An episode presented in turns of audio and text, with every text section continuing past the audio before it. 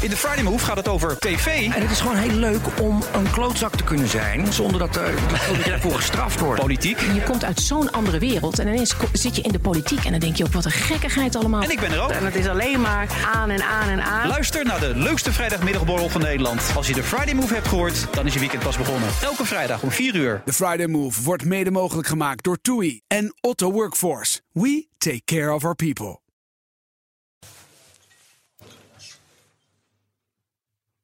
Ja, elke woensdag eh, spreken we met Marcel Beerthuizen van sponsoringadviesbureau Big Plans over de ontwikkeling op het terrein van sport en economie. En vandaag praten we over de wijze waarop de sportwereld omgaat met de nieuwe realiteit. Het nieuwe normaal wellicht, die is ontstaan als gevolg van de COVID-19-pandemie. Hoi Marcel, goed dat je er bent. Hi Paul. Ja, eh, ehm, het voetbal in Nederland is weer begonnen. Hè, met oefenwedstrijden met publiek.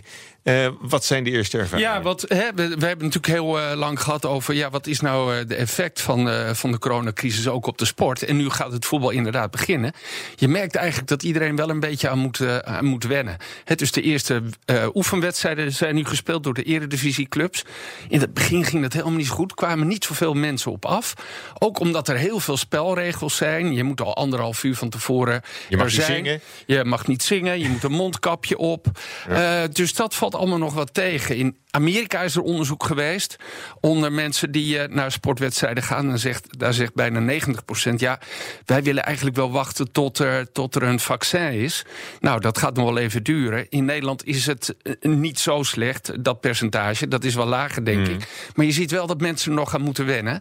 En eh, ja, het brengt natuurlijk ook ongelooflijk veel werk voor de clubs met zich mee. Ja, en, maar het is, het is onwennigheid. eh, ehm, er zijn ook nieuwe maatregelen aangekondigd gisteren weer door eh, Ja. premier Rutte. De sport is een beetje buiten beschouwing eh, gelaten. Gelukkig nog maar. Eh, hè? nou ja. Maar w- wat betekent de, de huidige situatie dan voor, voor Nederlandse clubs? Ja, ze moeten dus indelen. Hè. Je hebt die, die anderhalve meter afstand. Dus je mag wel families bij elkaar zetten. Dus voor een deel zijn de clubs ook aan het indelen op basis van een aantal seizoenkaarten die er bijvoorbeeld in een gezin zijn. Maar ja, er zijn ook mensen die hebben maar één kaart. Dus die, hè, die wil je ook niet uitsluiten. Dus men is dat eigenlijk allemaal handmatig aan het doen. Inmiddels is er in Engeland wel een app ontwikkeld.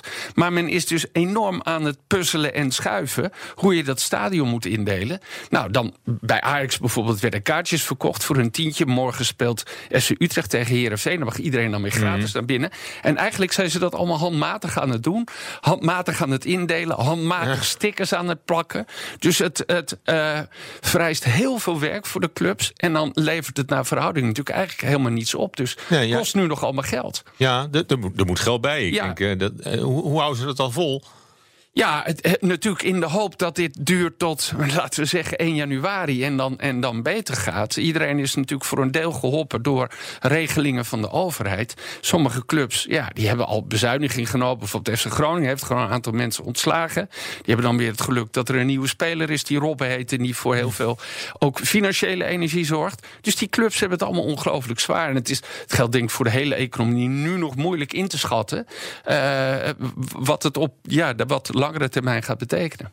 Ja, want, want waar normaal gesproken is, is de recette zo'n belangrijke. eh, Ja, zeker in eh, Nederland, Voor, de inkomsten. Ja, zeker. Je hebt, je, je hebt eigenlijk drie inkomstenbronnen. Dat is alles wat uit commerciële rechten komt, waaronder sponsoring. Je hebt natuurlijk de uitzendrechten. Dat is naar verhouding. In Nederland is dat gewoon laag, omdat er hier eh, niet zoveel voor betaald wordt. En ja, en dan heb je ticketing. Dat is in Nederland gewoon een belangrijk percentage. Hè, zo rond de helft van, de- van Oh. de inkomsten. Van de, ligt een beetje aan. Hè, bij, bij Ajax, die natuurlijk hele grote commerciële deals heeft, is dat weer iets minder. Maar ticketing is gewoon heel belangrijk. En dat zorgt ook, mensen die in het stadion komen, zorgen ook voor omzet bij de catering. Dus dat is een belangrijk onderdeel en eh, een belangrijke inkomstenbron. Ja, en catering is horeca, is, is ook beperkt Ja, natuurlijk. eh. ja, ja, dus alles is eigenlijk moeilijker geworden. We moeten er allemaal aan wennen. Oké, nou ja, goed. eh, Er wordt, er wordt wel weer gevoetbald. Ik denk dat we daar blij mee moeten zijn. De afgelopen week, deze week, wordt de finale ronde van de Champions League gespeeld in Lissabon. Ja. Ehm, hoe wordt daarop, eh, hoe Nou, wordt er op de tele- televisie naar gekeken? Ja, in, in het begin, eh, bij- natuurlijk in het begin zijn we allemaal heel, eh, heel blij dat er weer sport op televisie is en dat we dat kunnen volgen. Ehm, nou, de rechten zijn in handen van Talpa, dat zat altijd bij Veronica. Die hebben dat nu verplaatst naar SBS 6. In het begin van deze competitie, die loopt nu twee weken, er worden alle, zeg maar, van de kwartfinale tot en met de finale gespeeld, viel het heel erg tegen. En nu begint het wel weer eh, op te trekken, dus zo rond een miljoen. Gisteren was het dan Maar hoe hoe, hoe verklaar je dat? dat uh, je zou juist denken, mensen gaan massaal via de televisie naar voetbal kijken. Nou, omdat ze het, live hebben moeten missen. Ja, het heeft met het weer te maken. Het heeft met de vakantieperiode te maken. Het heeft ook te maken met welke clubs uh, spelen daar. Dus als je ziet dat Barcelona speelt, dan kijken wel 1,2 miljoen mensen. Mm. Uh, dus er is veel andere afleiding, maar zeker het weer. als het goed weer is, is altijd slecht voor, voor televisiestations. Mm. Dat weten ze. Ook, ook als het voetbal, uh, ook als er voetbal op is. Ook als er voetbal is. Maar de finale komt er nu aan natuurlijk. Eh, ja, ja. en, en hoe is dat voor sponsors dan, dit aangepaste format eigenlijk? Ja, dat is, dat is natuurlijk niet fijn. Want normaal gesproken hè, was er een kwartfinale die bestond uit twee wedstrijden. Een halve finale die bestond uit twee wedstrijden. Dus grote bedrijven als Heineken, die krijgen daardoor ook heel veel hm. zichtbaarheid, heel veel exposure. Mochten bij al die wedstrijden ook mensen uitnodigen, hè, hospitality. Dat is nu allemaal weggevallen, want je kan niemand meer uitnodigen. Je kan ook geen bier meer verkopen. De wedstrijden zijn veel minder. Dus er is ook minder exposure.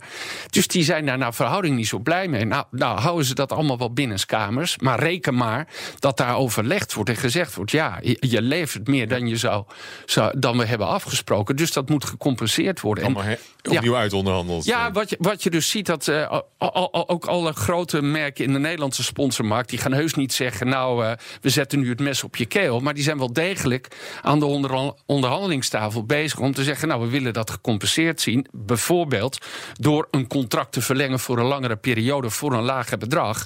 en dat je het op die manier dat, uh, dat weet te middelen. Ja, nou ja, goed. De sfeercomponent zullen we toch voor een groot deel moeten missen. Ja, dat, dat is natuurlijk wat zo jammer is. Hè? Dat, en, en, en dan mogen we ook al met steeds minder mensen thuis kijken, zegt, zegt premier Rutte. Ja. je mag wel naar de kroeg, hè? Dan. En als het wat groter in de zaal is, dan kan je met de hele groep kan je daar harde kern, kan je dan lekker in de kroeg. Maar wel op Precies. anderhalve meter afstand. Nou, nou, dat zou En dan kunnen we ook de horeca nog een beetje helpen. Dus misschien moeten we het maar op die manier doen. Ja. we zullen kijken hoe dat op, eh, op termijn zich uh, ontwikkelt. Uh, hartelijk dank, Marcel Beerthuizen. En tot volgende week. Tot volgende week. Duik mee in de wereld van ESG. Dit seizoen verkennen we hoe bedrijven hun strategieën rond duurzaamheid vormgeven. Ontdek de nieuwste innovaties in energietransitie en de impact van waterstof. Wie zijn de ware koplopers in duurzaamheid? Ik ben Donatello Piras, presentator en samen met Roetoei brengen we koplopers in ESG. Elke maandag om twee uur te horen op BNR Nieuwsradio. Dit programma wordt mede mogelijk gemaakt door Missie H2. Samen maken we Nederland het waterstofland in 2030.